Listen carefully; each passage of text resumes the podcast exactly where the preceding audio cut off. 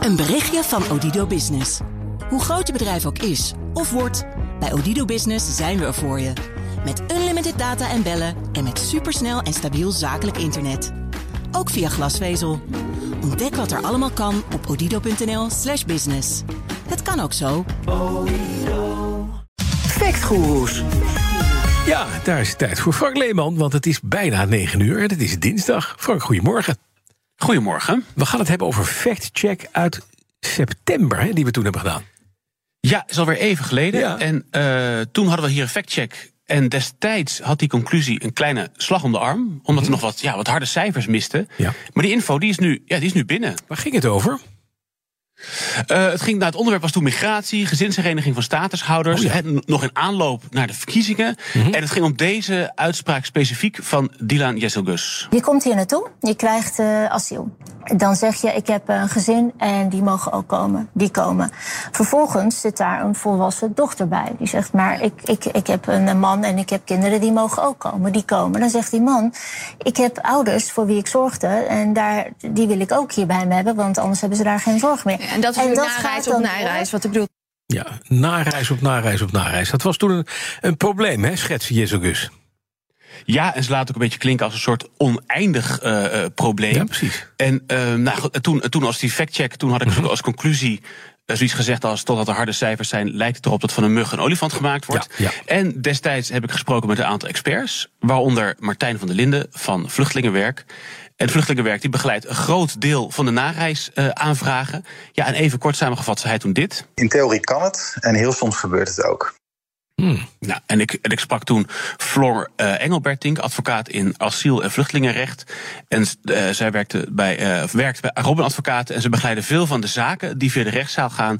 En zij zei toen dit. Nareis voor iedereen buiten het kerngezin is heel erg lastig en de IND is daar heel erg streng in. Het kan niet zomaar zijn dat je een moeder hebt waar je elke week al je medicijnen langs brengt en zegt zij moet ook komen. Het moet iemand zijn die inwonend is. Het moet iemand zijn die dag en nacht afhankelijk is van je zorg. Geen andere broers of zussen die voor die ouder kunnen zorgen. En de ervaring leert dat de IND dat grotendeels allemaal afwijst. Dat wordt echt heel weinig toegewezen.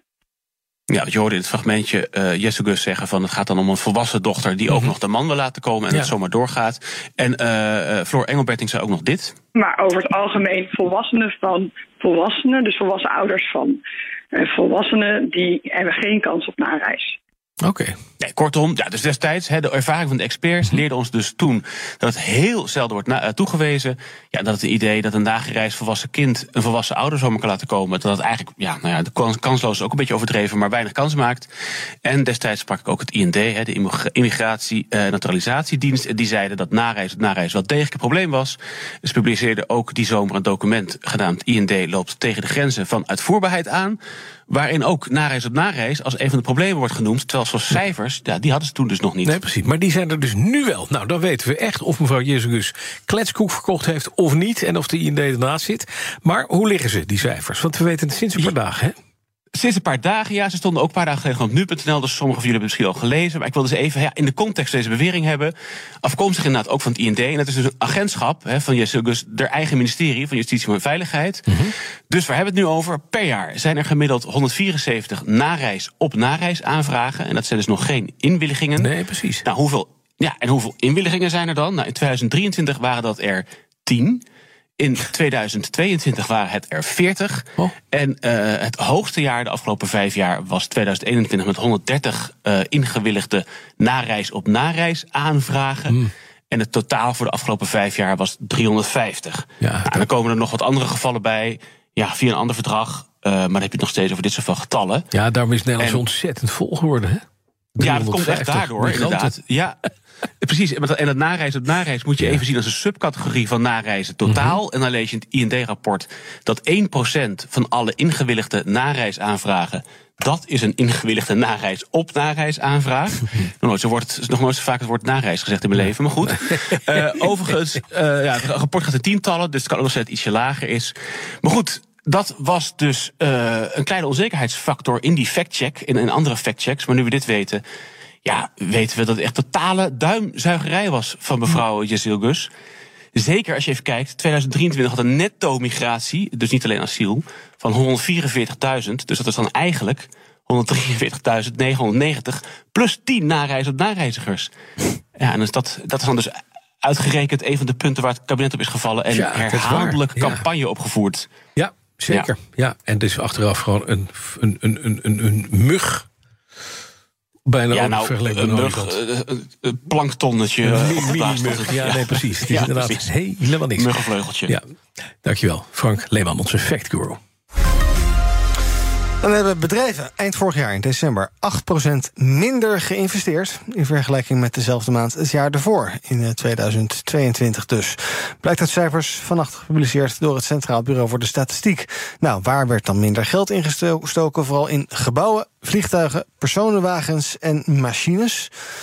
In november namen de bedrijfsinvesteringen jaar op jaar nog met 5% af. In december was het dus opgelopen tot 8%. Ja, wat helpt dan allemaal mee? Nou, onder andere de situatie op de afzetmarkten. Daar zijn eh, zorgen om waar eh, eh, de spulletjes heen moeten. Maar ook de prestaties op de financiële markten. Allemaal van invloed op het investeringsbeleid, meldt het CBS. Verder zeggen ze wel dat het investeringsklimaat in deze maand, in februari, wat gunstiger wordt beoordeeld dan in december. En dan heeft de politie, en dat is wel een heel mooi verhaal, in Italië vier criminelen opgepakt. Die worden verdacht van een reeks overval op banken en postkantoren. En een van die eh, Italiaanse criminelen is een man met een bijna Nederlandse naam: Italo de Wit.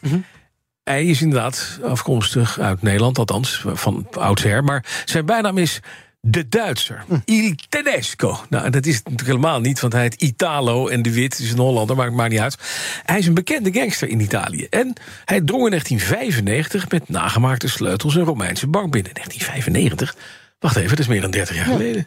Dat is best lang geleden. Hoe oud is hij dan? Hij is 70.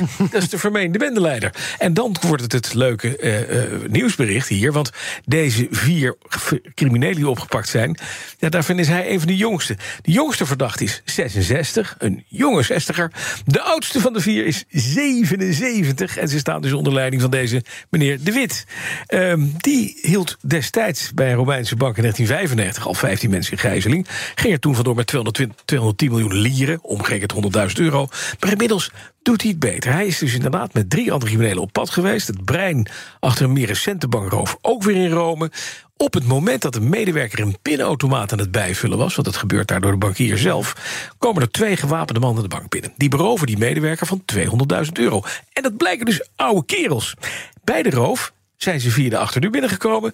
De verdachte van 66 zou de sleutels hebben gekopieerd. Het is een kopietje van wat er in 1995 gebeurde.